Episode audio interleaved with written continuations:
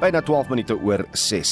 Die toerisme verblyfsyfers vir April 2022, soos deur Statistiek Suid-Afrika verskaf, toon dat die inkomste uit verblyf vir hotelgroepe nog baie swakker is as wat dit was voordat die COVID-19 pandemie uitgebreek het. Dit is egter baie beter as die lae groei syfers van die 2020-2021 finansiële jaar. Die eiendomsstrateeg van FNB, John Loos, ontleed die neiging dis april jaar op jaar met 68.4% op. So dit lyk baie indrukwekkend, maar dis 'n lae basis laas jaar want daar was nog redelike ontwrigting deur COVID-19 in die toerisme sektor. As ons kyk na vergeleke met april 2019, die vergelykbare maand voor COVID-19, dan is hotelinkomste nog steeds 34% af. So dit is nog steeds 'n baie swak syfer en daar is 'n paar verskillende redes ek dink daarvoor. Dit is nie meer die sogenaamde lockdowns nie. Dit gaan meer oor die finansiële swakheid van die huishoudelike en besigheidssektor asook 'n paar strukturele veranderings wat vraag vir toerisme demp. Hoe vergelyk die inkomste van hotelle met gastehuise en gasteplase asook kamp en karavaanterreine? Hulle groei bietjie vinniger heidaglik as kampeerterreine en as gastehuise, maar die kampeerterreine veral het vroeër herstel. Daar was 'n uh, redelike vraag toe die lockdowns 'n bietjie verslap was in laat 2020 en vroeg laas jaar. Dat daar meer vraag vir buitemuurse tipe toerisme aktiwiteit. So kampeerterreine het eers herstel maar nou kom die hotelle 'n bietjie vinniger proeës van 'n lae basis af as kampeerterreine. Hoe het die vloede in KwaZulu-Natal die bedryf geraak? Well, dit is moeilik om te sê, ek het nie streeksdata hierso nie, maar ek vermoed dat dit het April dit vloede. En natuurlik dit is vakansiemaand met 'n bietjie van daar's Paasnaweek en daar's ander openbare vakansie daar in April. Ek dink ons kan aanvaar dat toe die toerisme bedryf in KZN iets wat ontwrig was deur die vloede en dit sou seker die vraag vir hotelspasie gedemp het. Hierdie duurder brandstofprys, wat dink jy doen dit aan die bedryf? Ja, daar's 'n sekere direkte impak en 'n indirekte impak. So ek dink kyk, padvervoer raak duurder as gevolg van brandstofpryse asook lugvervoer. En lugvervoer het ook die probleem van Comair wat ondergegaan het, so daar's 'n gebrek aan lugvervoer kapasiteit heidaglik. Ek dink dat maar die brandstofpryse dit dit het 'n direkte impak weens die koste van vervoer wat ek dink toerisme demp en dus hotelvraag, maar ook hy dra by tot 'n hoër CPI inflasiekoers en daarmee ook hoër rentekoerse. So die huishoudelike sektor, ek dink herprioritiseer sy besteding na meer noodsaaklike items, verbruiksitems en ek dink vir party is vakans bietjie laer prioriteit heidaglik. So dit is nog 'n dempende faktor in die herstel van eiendomsinkomste. Wat verwag julle vir die res van die jaar en volgende jaar?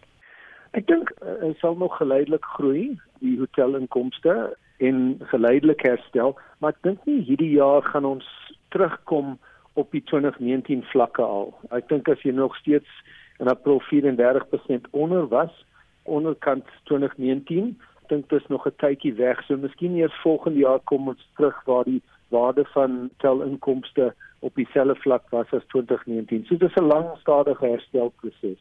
John Lewis is 'n eiendomsstrateeg by FNB Kommersiële Eiendom Finansieringsafdeling en hy het met ons Mitsi van der Merwe gepraat. Kom ons fokus nou op een van ons hoofstories van die oggend. President Cyril Ramaphosa sal na verwagting vandag met die presidensiële koördineringsraad vergader oor die COVID-19 regulasies. Dit volg nadat die minister van gesondheid, Joe, Dr. Joe Pahla, voorgestel het dat die regulasies afgeskaf moet word. Dit sluit in die opheffing van alle beperkings op byeenkomste sowel as die verpligte dra van maskers.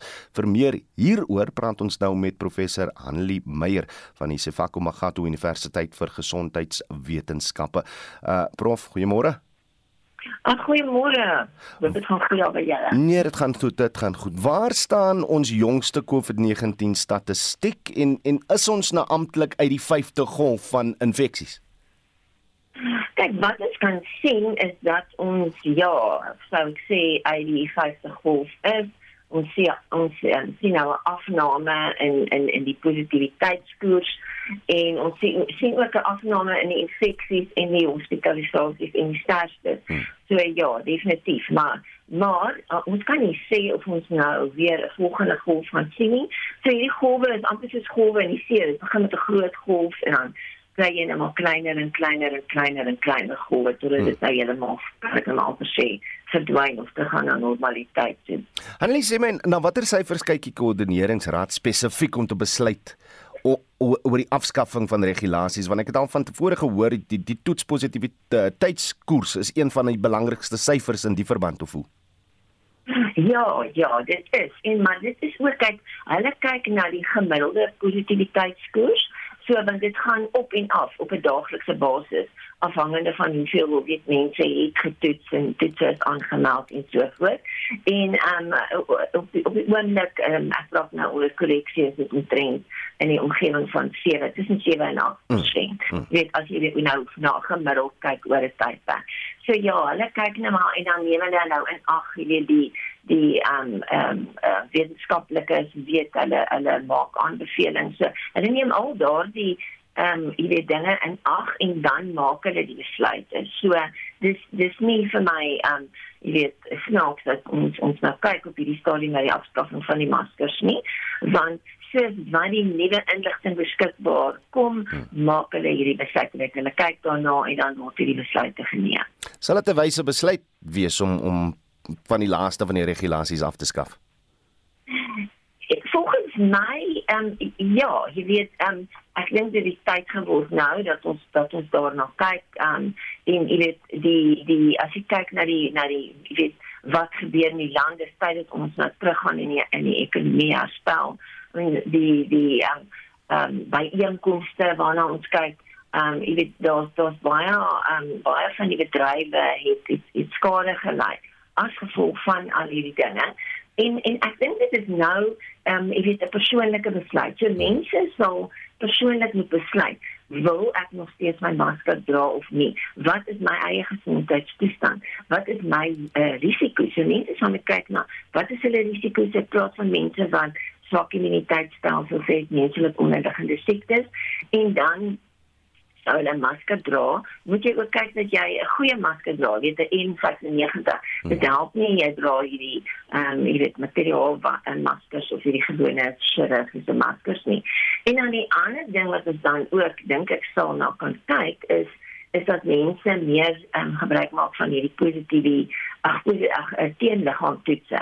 So met ander woorde, um, of jy bewys, jy weet, uh, sou hulle wou sekere regulasies gebruik hmm. by by inkomste of plekke waar jy met ingaan met mense 'n uh, bewys van inenting lewe of 'n uh, 'n um, 'n positiewe teenliggaam toets hmm. wat wys dat hulle wel jy weet aan um, beskerming het teen teen teen die virus of word eenvoudig net ingeënt Ja, ja, sê so, jy die die beste is so mense wat ek eintlik ook wil sê, mense wat nou regtig jy weet 'n hoë risiko het. Alhoewel ons weet ons het nou baie goeie populasie immuniteit as gevolg van vorige infeksies en as gevolg van mense wat ingeënt is. Maar daardie persone wat nie ingeënt is en wat ook nie 'n infeksie gehad het nie hulle is die mense wat nou die hoogste risiko het. So daardie mense so dit dit sal dan sou hulle 'n teenliggaamtoets doen dan en hulle sien hulle het nie teenliggaampies nie kan dit dan moontlik hopelik besluit om ook ingeënt te word en dit sal regtig waar baie help. En I mean die die die teenliggaamtoets is jy moet daarvoor betaal daar is nou hierdie blitstoetse beskikbaar hmm. terwyl inenting is gratis en vir nie so um jy weet nie sal daai daai besluit moet neem maar ja, dit is dit is tyd dink ek dat ons nou kyk na die regulasies dat dit dat dit dat dit nou opgehef opgehef moet word. En nog steeds ventilasie is regtig baie baie belangrik. So mense moet dit altyd in ag en ag neem. En dit was professor Hanli Meyer van die Sivako Magatu Universiteit vir Gesondheidswetenskappe. Die voorsitter van die Afrika Unie Kommissie, Macky Sall, sê daar is 'n dringende behoefte vir dialoog om wêreldvrede te bewerkstellig. Die president van Oekraïne, Volodymyr Zelensky, het gesê Afrika word gijslaar gehou deur Rusland omdat die land graanuitvoere van Oekraïne in hawens in die Swart See hou. Zelensky het die kommissie virtueel toegespreek. Ons praat nou hieroor met professor Antoni van Nieuwkerk van uh, Unisa se Thabo Mbeki Afrika Skool vir Internasionale Betrekkinge. Uh Prof, goeiemôre. Goeiemôre, Oudo. 55 Afrika staatshoofde is genooi om die uh, besprekings by te woon. Slegs 4 het deelgeneem terwyl die res net verteenwoordigers gestuur het. Wat lees jy hierin? Ja, so so hier's verskillende goederes aan die gang, Oudo. Die een is die die politiek van die van ehm um, kantkies in die oorlog uh, tussen Rusland en NAVO wat in Oekraïne uitspeel. Hmm. Uh, en die ander is die werklik ware uh, krisis wat uh, Afrika in die oë staar in terme van voedselsekerheid. En ons kan seker oor al twee 'n klein bietjie gesels as jy wil. Ja, ja. Ja. Kom, so kom ons die, begin net met die hmm. met die een. 17 lande uit Afrika het buitestemming in die Verenigde Nasies gebly toe gestem is oor die Russiese aggressie uh en en dit te veroordeel of nie. Wat sou die hierdie lande gemotiveer het om om buitestemming te bly? Ja, so dis die groter prentjie en dit is uh, iets wat uh, wat ons nou al 'n uh, geruime tyd bespreek want Suid-Afrika vorm deel van hierdie storie. Ehm um, uh, probeer neutraal staan in die in die in die wedloop tussen hierdie twee groot magte as jy wil. En ek dink Afrika lande is ehm um, het al voorheen in die Koue Oorlog hierdie tipe van van uh uh internasionale politiek beleef ehm um, waar hulle moes kies uh, tussen die ooste en die weste, tussen Amerika en kapitalisme en demokrasie of die kommunisme of sosialisme uh, en 'n ander vorm van demokrasie uh, in die poging om hulle eie belange te bevorder. En baie lande het destyds gesê in die Koue Oorlog Uh, ons ons wil onverbonde wees. Ons wil nie kant kies nie want die een byt ons uit en die ander een byt ons uit en hulle gebruik ons as 'n proxy as ware. Jy ek bedoel ons luisteraars sal onthou en jy sal ook onthou dat in Angola byvoorbeeld was daar Russe, Kubane hmm. en Suid-Afrikaners. Uh ehm in het probeer om die land se se se minerale rykdomme uh, uit te byt. En dit gebeur nog steeds in die DRK en elders. So hierdie keer sê die Afrika lande, die Amerikaners en NAVO en Europa sê kies kant. Jy weet werk saam met ons. Die Russe is 'n slegte of Putin is 'n slegte mens. Uh ons moet hom in sy plek sit en help ons om sanksies toe te pas ons moet hom uit die weg uitruim. Hy's 'n bedreiging vir wêreldvrede. En Afrika leiers sê maar dis nie eintlik ons oorlog hierdie nie. Uh ons gaan nou net weer uitgebuit word in die proses. Ehm um, en trouens, trouens met sanksies wat nou deur uh, NAVO toegepas word op Rusland, soek die Europeërs naastiglik na alternatiewe energiebronne. En raai waar gaan soek hulle dit? Uh daar hier by ons in Afrika onder andere. So die Afrika leiers dink ek sê ons staan terug, ons wil nie kant kies nie. Uh ons wil ons eie belange bevorder. Die Russe het uh en die Amerikaners en die Europeërs en die Chinese het almal belange by Afrika en ons wil almal op ewewigtig behandel. Ek dink dis die benadering wat verduidelik wat aan die gang is. Maar ek wil dan tog vra, want baie hmm. van die leiers se bevolkinge gaan gaan waarskynlik honger ly as hulle nie die uitvoere van Oekraïne kry nie, veral as dit kom by graan. Ja. Uh, Westerse lande het nou mooi hulle stem dik gemaak om te sê Rusland moet stop sit aan die die graanblokkade uit die Swart See. Is daar dan nie 'n ander verskaffer van graan aan Afrika wat na vore kan kom vanuit Westerse lande dan nie? Ja. So dis nou die tweede punt waar ons moet gesels. ja. En dit raak selfs een uh, meer ingewikkeld want ehm um, uh, as ons vinnig kyk, ons weet min of meer nou dat dat tussen Rusland en Oekraïne verskaffer, jy weet, kunsmis, graan, sonneblomolie uh vir omtrent uh 70% of vir 'n oorgrote meerderheid van die wêreldsbehoefte. Hmm. En dis 'n onge ongelukkige wending in die oorlog dat hierdie uh um bronne, hierdie voedselbronne nou uh, in die slag bly of vashak by die hawens en trouens die Russe sê uh die die Europeërs en NAVO het die het die hawens gemyn. En met ander woorde skepe kan nie in en uitvoer in en uitvaar om hierdie uh, uh voorrade op en af te lei nie. En trouens hulle sê, almal sê vir ons, uh, uh daar's delikate onderhandelinge agter die skerms aan die gang om 'n soort van 'n korridor te skep sodat hierdie graan uitgevoer kan word. En trouens Putin het vir die Afrika Afrika leiers gesê, ehm um, dis die eerste ding wat ek sal probeer doen is om hierdie graan by julle uit te kry, want ek wil vinnig sê vir die luisteraars dat omtrent 40% van Afrika se mense, meer as 400 miljoen mense, staar hongersnood in die, in die gesig. Hmm. En dis nie net die graan uit Oekraïne nie, dis die gevolg van van COVID ekonomiese verval. Daar's daar's hongersnood en en droogtes uh, in in dele van Afrika. Dis eintlik baie tragies. So wat Oekraïne nou doen is dit ver, versleg die situasie. En en uh, die Europeërs het het baie vinnig Ursula von der Leyen wat die voorsitter is van die Europese Kommissie, die president het gesê ons sien die probleme in Afrika, ons skenk 600 miljoen euros. Dis 'n klomp geld. Hmm. En as jy gaan lees hoe hulle dit skenk, dan is dit om om bestaansboere te help om hulle eie ehm um, lande te bewerk. Nou ja, dis 'n goeie ding, maar dit gaan nie môre se se hongersnood oplos nie. Dis 'n lange termyn uh, oplossing. So wat met Ja, ek moet so met vra. Ander woorde, met ander woorde, Oudo, daar's nie 'n antwoord op hierdie ah. probleem nie.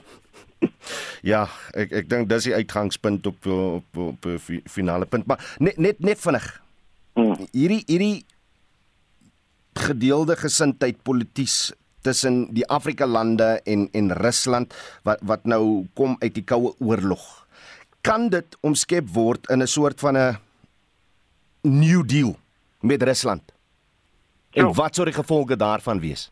Ja, dis nou dis 'n lekker vraag daai. Ehm um, weet jy baie van ons begin dink dat uh, dat die idee van uh, onverbondenheid, non-alignment, mm. uh, is 'n is 'n ou idee maar hy hy is relevant in vandag se politiek.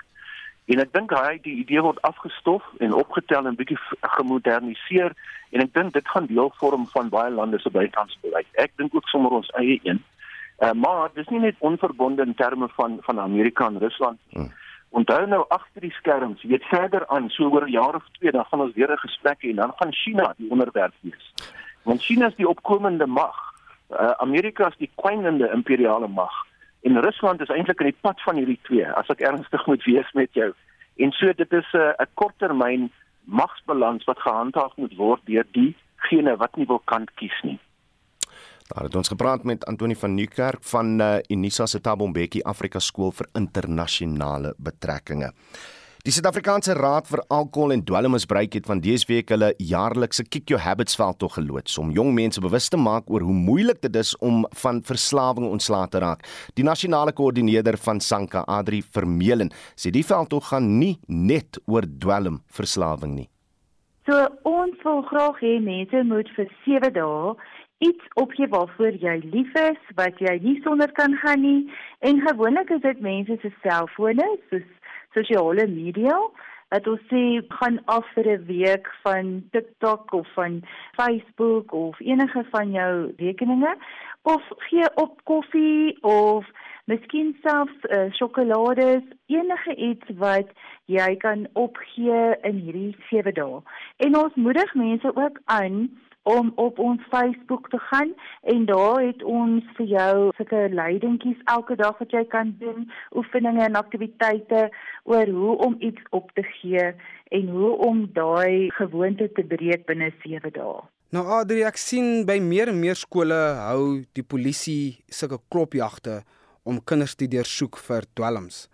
En gedurende hierdie klopjagte vind hulle meestal dagga by die skoolkinders en volgens die polisie vind hulle ander sterker dwelmmiddels. Dink jy hierdie klopjagte kan enigsins 'n verskil maak om dwelms te bekamp? Hierdie is nie die eerste keer wat die skole dit doen nie en hulle werk saam met SAPS. Hulle doen dit as deel van hulle voorkomingsinisiatiewe wat hulle aanvoer. Ons voel natuurlik dat dit is meer as net dit wat skole moet doen om seker te maak dat hulle 'n veilige omgewing vir ons kinders. So dit begin eintlik maar met 'n hele pakket wat die skool moet doen, soos van 'n beleid wat hulle moet implementeer om te sê hoe gaan hulle voorkomend werk om kinders te leer hoe om weg te bly van dwelms af of hoe om hulle die vaardighede te leer sodat hulle nie dwelms nodig het nie. Het skole enige voorligtingprogramme vir dwelmmisbruik? Hulle het wel, hulle dit deel van hulle lewensvaardighede programme wat hulle aanbied of lewensoriëntasie. Die onderwysers word opgelei en daar's 'n hele kurrikulum wat hulle volg om die kinders bewus te maak daarvan. Gauteng veral het ons wat ons noem Kamoja wat 'n projek is wat hardloop in 'n skool enige iets van 2 tot 3 maande wat hulle met al die kinders in die skool werk en hulle gaan deur 'n hele program met 'n voor en 'n na toets wat hulle ook doen om te kyk of dit gedragsveranderinge gebring het. Ek voel ook dat ten minste moet die ouers ook betrek word want dit gaan ook terug na hoe ouers oor dwelms voel. Wat is die voorbeeld wat hulle vir kinders stel rondom alkoholgebruik en ander gewoontes wat hulle wel het? So mens moet 'n holistiese benadering hê as jy dit wil adresseer as 'n skool die inperking natuurlik baie stres veroorsaak aan mense, maar het COVID-19 meer bygedra tot verslawing? Definitief, ons sien 'n verhoging veral in dagmisbruik. Ons was nogal geskok toe ons kyk na statistieke hierdie jaar dat van laas jaar tot hierdie jaar het ons 'n 48% verhoging gehad in dagga alleen. En dan oor hoof het ons 'n 63% verhoging gehad in al ons totale opnames na ons behandelingssentrums toe. En Sanka is een van die grootste nuwensgewende organisasies wat behandeling en voorkomingsdienste doen. En dan wat nog meer skrikwekkend vir ons was dat 17% van hierdie persone wat opgeneem was in ons klinieke vir dagga spesifiek was onder 18 jariges. En ons het ook knaap genoeg ook 'n verhoging gekry in die baie jong groep tussen 4 en 7 jarig. Het ons 'n 2% verhoging gehad in daai groep wat opgeneem was vir behandelingsprogramme. So dit laat net wonder wat gebeur met ons kinders, is daar genoeg ouer toesig, wat is in die gang in ons gemeenskappe maar ook in ons gesinne. En dit was Adri Vermeulen, die nasionale koördineerder van die Suid-Afrikaanse Raad vir Alkohol en Dwelmmisbruik wat met ons Vincent Mofokeng gepraat het. Monitor jou oggendnuusprogram op RSG.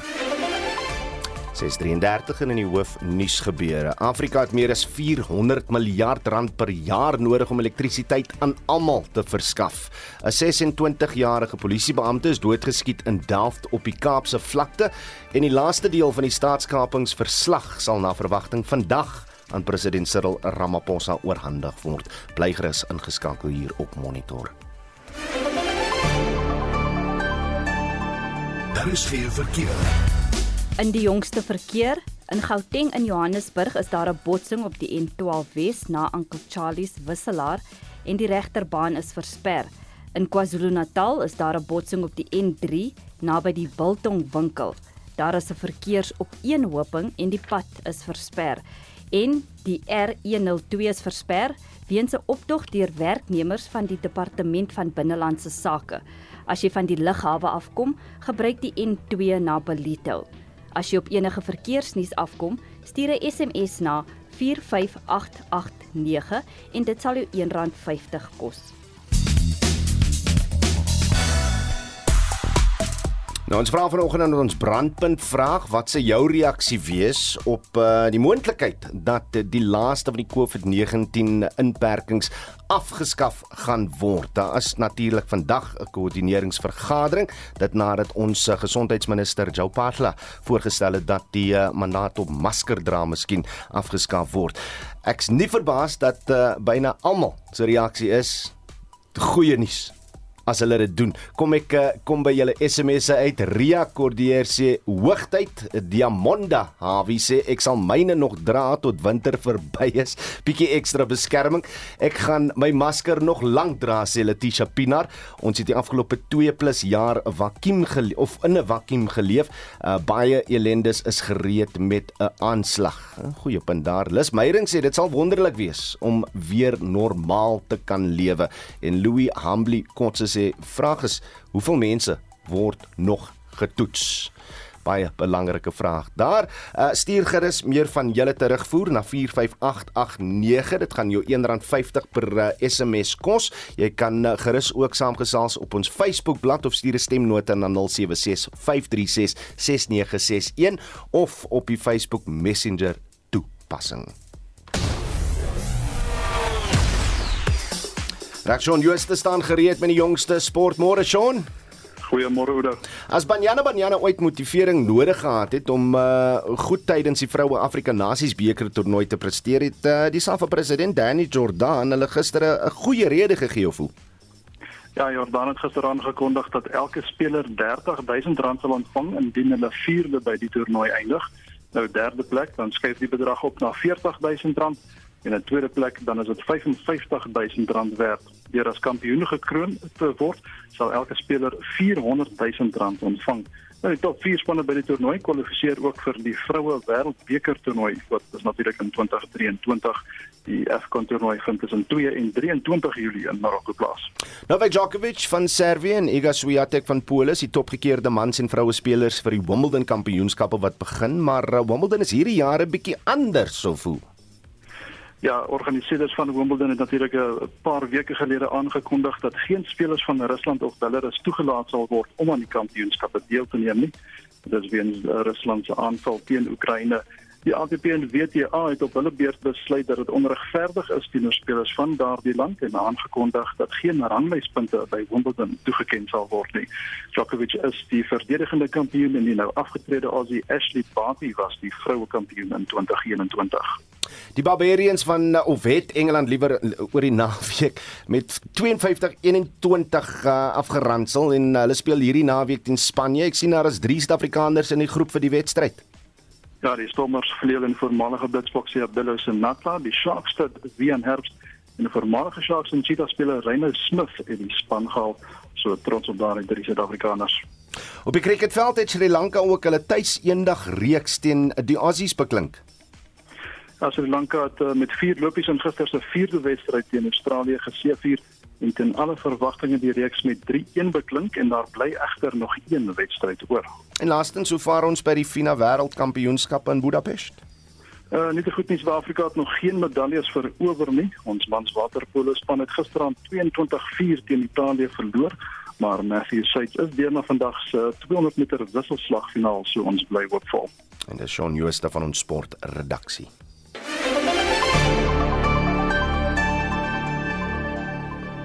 Afrika het meer as 400 miljard rand per jaar nodig om elektrisiteit aan almal te verskaf. Dit is volgens die internasionale energieagentskap wat pas 'n verslag vrygestel het. Die agentskap sê 600 miljoen mense, oftewel 43% van die bevolking in Afrika, het nie voldoende toegang tot kragtoevoer nie. Ons praat nou met Corneel Shabort, 'n uh, dosent by die Noordwes Universiteit se skool vir chemiese ingenieurswese. Corneel, goeiemôre. Môre Oudo. Eerstens, wat is die doel van die verslag? Ehm um, Oudo die internasionale energieagentskap, hulle publiseer van tyd tot tyd verslae van hierdie aard en dan fokus hulle veral op kwessies rakende energie. So hierdie spesifieke 250 bladsy verslag fokus op Afrika en gee dan 'n breë oorsig oor die huidige stand van energie in Afrika. Ehm um, daar's aanbevelings in hierdie verslag rakende moderne, skoon en bekostigbare energie vir die toekoms vir alle Afrikaners. So dis nie 'n bindende dokument of 'n beleidsdokument nie, dit is bloot net aanbeveling vir die mense van Afrika. Die verslag sê toegang tot elektrisiteit en gas aangedrewe industrialisering moet in Afrika geprioritiseer word. Wat beteken dit en hoe voel jy oor oor hierdie stelling in die, in die verslag? Wel, as ons kyk 600 miljoen Afrikane, 43% van die bevolking in hierdie kontinent van ons of op hierdie kontinent van ons het nie toegang tot elektrisiteit nie. So ek verstaan dat dit beslis geprioritiseer moet word ten einde die kontinent vorentoe te vat. En soos julle self gesê het, 25 miljard Amerikaanse dollar of 400 miljard rand per jaar tot en met 2030 wat belê gaan moet word ten einde toegang vir alle Afrikaners te verseker. Nou daai belegging gaan spesifiek moet fokus net op vyf lande omtrent. Die helfte daarvan gaan vir vyf lande gaan. Dit is die DRK, Ethiopië, Nigerië, Tansanië en Uganda. So daar's baie geld nodig, maar daar's baie mense wat nie krag het nie. Hmm. Nou, hulle praat ook oor gas uh aanbevelings wat oor gas gemaak word en is interessant want hulle praat oor bronne wat reeds ontdek is, nie nuwe bronne ja. nie en is belangrik om daarop ag te slaan want Hulle sien op die kort termyn sal daar nog gas nodig wees, maar hulle sê verder as 'n dekade van nou, ons moet kyk na die internasionale gasmark en die internasionale rolspelers wat hierdie gas hoofsaaklik invoer vanuit Afrika is besig om weg te beweeg van fossiel brandstowwe. So hulle gee ook 'n waarskuwing. Hulle sê maak gebruik van reeds ontdekte bronne, hmm. maar oppas vir nuwe bronne, want dan gaan hulle sit met gasaanlegte wat nooit afbetaal kan word nie, want dan gaan 'n dag kom wat die internasionale mark definitief gaan afneem wat natuurlike gas betref. En dan Corneels Iets wat ek nie geweet het nie wat wat vir my bietjie waansinnig is. Die die verslag sê Afrika hou 60% van die beste son-aangedrewe krag in die wêreld terwyl daar slegs 1% van die fotovoltiese vermoë geskep word hier op hierdie kontinent. Dis mos malligheid of nie? Wel, dit is eintlik die hartseer maar ook die positiewe wat daarin opgesluit is. So 60% van die beste sonarea vir die opwekking van sonkrag is op ons kontinent. Nou vat 2021. Daar is binne die grense van Afrika minder as 2 gigawatt addisionele sonkrag bygevoeg. Dan vergelyk jy dit met die res van die wêreld 150 gigawatt. So daar's definitief 'n lewensvatbare opsie vir Afrika om hierin te belê en daar word ook voorsien dat 80% van alle nuwe elektrisiteit in Afrika afkomstig sal wees van hernubare bronne oor die volgende 10 jaar. So dis nie net son nie, dis ook wind, dis ook termies, dit is ook hidro. So as ons kyk na die IEA se verslag, dan sien hulle ook dat hulle maak geen voorsiening vir nuwe steenkoolkragstasies in Afrika nie. So hoe haalbaar is dit? Wel, daar's baie Afrika lande met mooi suksesverhale. Ja. Ehm um, mens kyk ook na Suid-Afrika en dink jy dinge gaan nie lekker hier nie. As mens vat 'n land soos Nigerië. Nigerië het reeds 620 miljoen Amerikaanse dollar bewillig om 5 miljoen huise te voorsien van sonkrag. Net so in Rwanda is daar 'n staatssubsidie, dalk heelwat minder, 30 miljoen Amerikaanse dollar, maar die model wat in Afrika kan werk. Moenie dink Suid-Afrika nie, dink Afrika is 'n meer gedesentraliseerde model want huise is baie ver uitmekaar uit. So om al daai huise te koppel aan 'n sentrale netwerk maak nie noodwendig sin nie. So om eerder klein huise te hê op op op 'n gedesentraliseerde model. Dit kan baie lekker werk. Dan moet ek tog vra, hoe hoekom voel dit vir my asof ons voortaan Eskom se skuld gaan betaal, maar die nuwe kragopwekking gaan nie noodwendig van Eskom afkom nie. Dit is definitief 'n skuif wat kom in ons energiemark. Ons sien al hoe meer private rolspelers wat na die tafel toe kom en ons sien in die proses Eskom met hierdie massiewe skuld en dit is eintlik hartseer Oudo wat ons vat dat daar 'n dag was so twee dekades gelede wat Eskom in staat was om 'n wins te maak wat nie hierdie massiewe skuldlas gehad het nie, maar dit is ongelukkig oor dekades heen die Zondo-verslag bevestig dit weer eens. Dis 'n kombinasie van korrupsie en geld wat bloot geplunder is en gevolglik sit ons met hierdie realiteit. En is ongelukkig die probleem, ons kan nie net wegloop nie. Dis nie soos 'n privaat maatskappy wat hmm. nou maar net in sake redding gaan en daar gat ons nie. Dit is belastinggeld wat éventueel gebruik gaan moet word, hoe ook al om daai skuldlas te delg. En dit was Corneel Chambord, die dosent van Noordwes Universiteit se skool vir chemiese ingenieurswese. Daar heers groot afwagting vir die vrystelling van die 5de en laaste deel van die staatskapingskommissie se verslag. Die verslag sou maandag al aan president Cyril Ramaphosa oorhandig word, maar is weer uitgestel. Dit sal na verwagting nou eers vandag gebeur. Ons praat nou met Dr. Helen Kloete, 'n navorsingsgenoot van die Departement Openbare Administrasie en Bestuur aan die Universiteit van die Vrystaat oor die uitstel daarvan. Helen, goeiemôre, welkom terug. Goeiemôre Oudo en goeiemôre aan al die luisteraars. Ek wonder tog wat jou reaksie is oor die uitstel van die bekendmaking van hierdie verslag Allen. Ek weet jy ons wag met groot afwagting maar of 'n vandag ek het gestaan gelees die president sê daar is niks uh, onder duims daar aan nie die uh, regter Zondo het bietjie vir uitstel gevra daar was 'n paar tegniese aspekte rondom die verslag wat hy wil nagaan. Uh so ons hoop dat dit nou regtig nog vandag was. Dit is maar amper twee keer uitgestel. Dit sou verlede week en Woensdag wees en toe Sondag en uh hopelik verskyn die verslag dan op vandag en dat ons almal kan sien wat wat sê die finale verslag. Die die, die uh, president daarvan beskuldig dat hy verkeerd opgetree het deur met hoofregter Zondo te kommunikeer in 'n vergadering oor die uitstel van die vrystelling van die die verslag. Uh, is het het hulle punt weet? Is hulle reg of het die president miskien net verkeerd gekommunikeer na daai vergadering? Maar ek dink as die, die president se se persverklaring sê dat regter Zondo het het hulle genader om te om om bietjie uitstel te vra. En so Uh, I mean, weet nie, uh, uh, dit is egter so dat alles wat president Ramaphosa nou deesdae doen is om die vergrootglas. Want uh, dit wil vir ons voorkom asof ons leiers ook maar voete van klei het. Jy weet, mense voel dat die wolk wat nou rondom hom hang, uh, affekteer ook dit is sy geloofwaardigheid. En 'n groot mate het 'n bietjie van 'n knou gekry, you know, en totdat hy ook nie skoon kom nie oor die geld by sy wildsplaas nie uh, gaan alles hy, hy gaan nou baie meer onder die vergrootglas geplaas word. Jy weet almal almal kyk na president Ramaphosa as die morele etiese leier wat skoon is en wat die korrupsie bevegter is, maar totdat hierdie uh geld wat in sy huis gevind was of gesteel is, nie opgelos word nie, uh, sien ek vir 'n baie moeilike tyd vorentoe. Hmm. En en, en dis die probleem van die afgelope paar dae is dit nie. Jy het nou jy het nou so mooi die die konteks geskets. As jy weet as president, jy weet dis die konteks dan dan dan moet jy sekerlik moet nou net oop kaarte speel met wat gebeur. Ek, ek dink dit is wat Suid-Afrikaners verwag. Dieselfde wat Suid-Afrikaners verwag. Dit sê God, as die Zondo-kommissie se verslag nou vandag verskyn, wanneer gaan mense tronk toe? Wanneer is daar gevolge? Jy weet ons het nou verlede week gepraat oor die munisipaliteite waar die ouditeur-generaal elke jaar presies dieselfde ding sê. Hmm maar daar's geen gevolge nie en so Suid-Afrikaners het 'n uh, het 'n ongeduldigheid met hierdie sloerdery.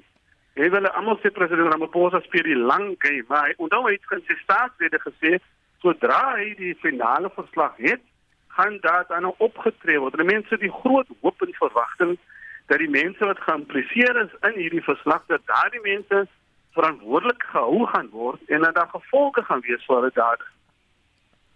Oud-president Jacob Zuma het gelas dat die ondersoek na staatskaping gedoen word. Uh, dis 'n presidensiële uh, kommissie van ondersoek. Sal president Ramaphosa nou uiteindelik besluit oor wat met die aanbevelings in die verslag gaan gebeur of nie? Ek dink dit is wat hy beloof het. Hy het dit dan gevolge met onthou die die uh, kommissie die staatskas nou al miljoene miljoene gekos en so daar is 'n verwagting en hy het 'n belofte gemaak gee vir my nadat ek die finale verslag gedoen het, gaan daar gevolge wees. En so die uh eh, NPA Samila Batoye en haar span uh jy weet daar daar is ook vet met groot gelag ingekom. Uh en 'n mens wil nou sien dat daar nou dat werklik gesê opgetree word. Maar nou korrupsie, 'n mens moet eintlik die uh hierdie het gekom as gevolg van Latuli Madonsela se aanbeveling. Hmm. En so dis eintlik ek dink hierdie verslag Udo uh, is 'n waterskeiding want dit dit sit op die tafel wat ons vermoed het die laaste 20 jaar. Maar ook korrupsie in die nuwe Suid-Afrika is niks niets nie. Hmm. Die vorige regering voor 94 was net so korrup en daarvan verstaan jy en so die, jy jy het amper 'n kultuur van korrupsie binne in die staatsdiens. So die nuwe regering, ek ek daar's geen justification daarvoor nie, maar korrupsie wil ek sê ek altyd vir mense het nie begin in 94 nie. Hierdie staat voor 94 was die mees korrupste staat en daardie kultuur en daardie maniere het net mooi oorgespoel na die na die na die nuwe regering toe. En so het 'n meer deursigtigheid en 'n meer en 'n meer aktiewe media wat vra kan vra, maar korrupsie is die groot kanker in ons samelewing. Hmm. Ja, sloos maar Dr. Allen Klutek sê vir jou baie dankie vir jou tyd. Hy's 'n uh, navorsingsgenoot aan die Universiteit van die Vrystaatse Departement Openbare Administrasie en Bestuur. Dignity SA gaan voort met sy pogings om wetgewing te verander oor genade dood en bystand selfdood. Professor Sean Davison, 'n mede-stigter van Dignity SA, is eergister na 3 jaar onder huisarrest vrygelaat. Hy het reggestaan op 3 aanklagte van moord vir sy rol in die dood van 3 mans wat wou sterf, maar het in 2019 uh, 'n uh, pleitooreenkoms met die staat aangegaan. Professor Willem Landman, 'n mede-stigter van Dignity SA, reageer so op sy vrylating. Ek is uit die aard van die saak verheug daaroor dat hy sy straf uitgedien het. Ek dink dit was alles heeltemal onnodig as die soos hy ook gesê die parlement se werk gedoen het. Maar ek dink dit gaan die debat vorentoe neem en ek is baie bly dat hy weer met sy gesin verenig kan wees. Verduidelik net in 'n netedop waarvoor Dignity SA staan. Dit is eenvoudig. Ons wil die gemeenregtelike verbod op bystand dood dekriminaliseer. Met ander woorde, ons wil dit wettig maak dat iemand in bepaalde omstandighede bygestaan kan word om hulle eie te neem. Willem, waar staan die uh, Hooggeregshof saak waarin gevra word dat genade dood en selfdood met hulp volgens wet uh, moontlik moet wees en gee ons 'n bietjie agtergrond wat aanleiding gegee tot hierdie hofsaak. Dit is op 'n oomblik 'n aansoek deur die applikant Dieter Haak wat aan motorneuron siekte ly in die Suid-Gautengse Hooggeregshof waar hy die hof vra dat hy wettiglik bygestaan kan word om selfdood te pleeg wanneer die tyd vir hom aanbreek. Dis nie iets wat hy nou wil hê nie, maar die progressie van sy siekte gaan sodanig wees dat hy nie self kan 'n middel inneem nie, hy sal verlam word in sy slipkanaal, sy darmkanaal en hy vra dat hy wettiglik bygestaan kan word om self dood te pleeg wanneer sy lewe so 'n uh, stadium bereik het dat hy nie meer geleef nie, wanneer die dood vir hom verkieslik bo lewe is. En verlede jaar in 2021 is sy getuienis aangehoor dit moes as gevolg van COVID virtueel geskied. Vir jaar sal sekere ander getuies ekstra getuies sal geroep word en die partye aan beide kante die wat daar voor is en daar teen is sal hulle argumente voer in die hof. Ek dink dit sal hier teen September wees.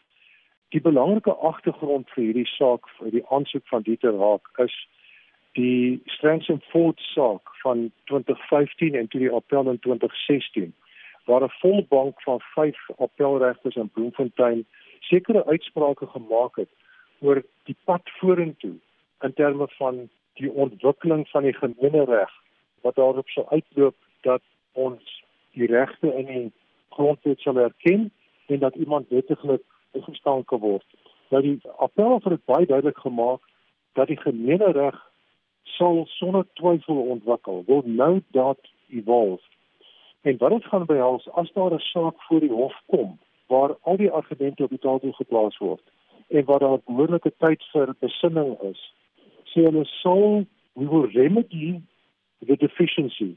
Met ander woorde ons gaan 'n gebrek in ons regstelsel gaan ons regstel. En hulle noem dit is 'n baie belangrike moontlikheid dat dit gaan gebeur en hulle voorsien ook dat daar openbare verhoor sal wees. Met ander woorde wat die hof sê is dat die hof kan nie wette maak nie. Dit is die parlementsplig om wette te maak. Al wat die hof kan doen, soos in geval in Kanada was, is om vir die parlement te sê hier is 'n onhoudbare spanning tussen die gemeenereg wat bystand dood as moord beskou en die regte wat ons in die grondwet het wat ongetwyfeld lyk of hulle 'n reg op bystand dood onderskraag en ondersteun.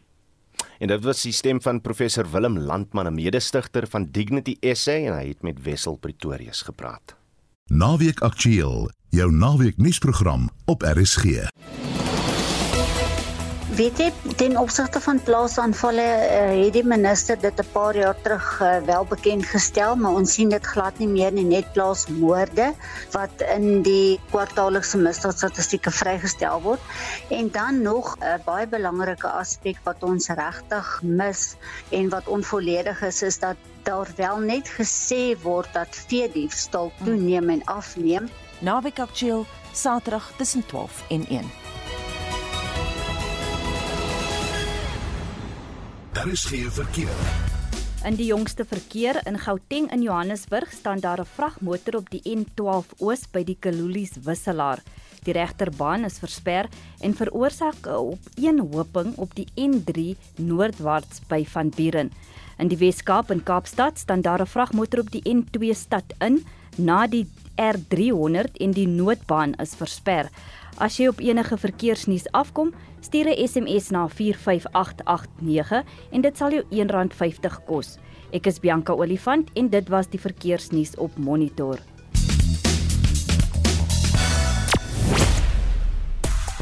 Daar sou sê vanoggend op die pro program gehoor het die regering oorweeg om die bestaande COVID-19 regulasies af te skaf omdat die aantal infeksies in die land skerp daal. Nou Frans, jou vanoggend, wat dink jy hiervan? Stem jy saam met die voorstel? Om byvoorbeeld te sien dat uh, die uh, gebruik of uh, dra van maskers binnenshuis uh, afgeskaf word, te beperkings op byeenkomste gelig word en die toon van COVID-inenting sertifikate by sekere plekke ook verval. Nou van die boodskappe wat deurkom Petrus Kuman sê dis hoogtyd. Die uh, nywerheid sukkel verskriklik. Mense sukkel. Sofia Nodee sê ek sal vereers maskers bly dra. Te veel mense om my elke dag en onlangse COVID gevalle. Hannes uh, Kutse sê ek glo dit behoort nou 'n persoonlike keuse te wees. Jy kan as jy wil of ongemaklik voel.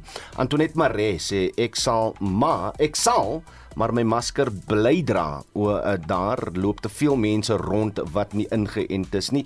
Met Antoinette stem ek definitief saam en as ook net in die openbaar en nie buite lig net te veel mense wat na jou kom maar hulle dra nie maskers nie. So uh, uh, ja, ek ek saam met Antoinette en as sy Bibi Kutse uh voel dis 'n persoonlike besluit. Ek dra myne vir selfbeskerming en sal mense wat in my persoonlike spasie kom vra om uh, terug te tree. Ons weet by nou hoe om uh, PNS self te beskerm.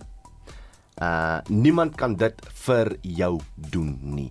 Baie dankie vir die boodskappe. Stuur gerus nog van julle boodskappe op SMS na 45889. Dit kos jou R1.50 per boodskap. Uh, jy kan gerus ook saamgesels op ons Facebookblad of stuur 'n stemnota na 0765366961 of op die Facebook Messenger toepassing. Op en wakker op RSG met Sue Pyler Slabbert, Gustaf Greiling, Robbie Cruz en Op sosiale media is die Soweto shutdown 'n gewilde onderwerp.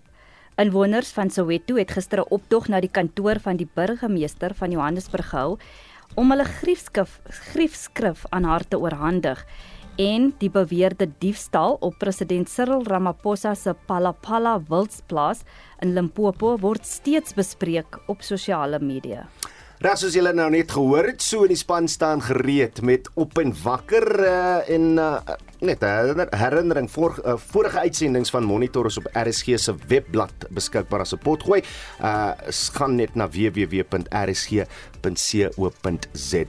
Maar om moet nou in te skakel vir ons ander nuus aktualiteitsprogramme Spectrum tussen 12 en 1 vanmiddag is ook brandpunt omstreeks kwart voor 6. Dan groet ons namens ons uitvoerende regisseur Nicoline de Wee, die redakteur vanoggend Jean Esterhuizen en ons produksieregisseurs Frikkie Wallis en JD Labuskaghni. Ek is Oudo Karelse. Totsiens.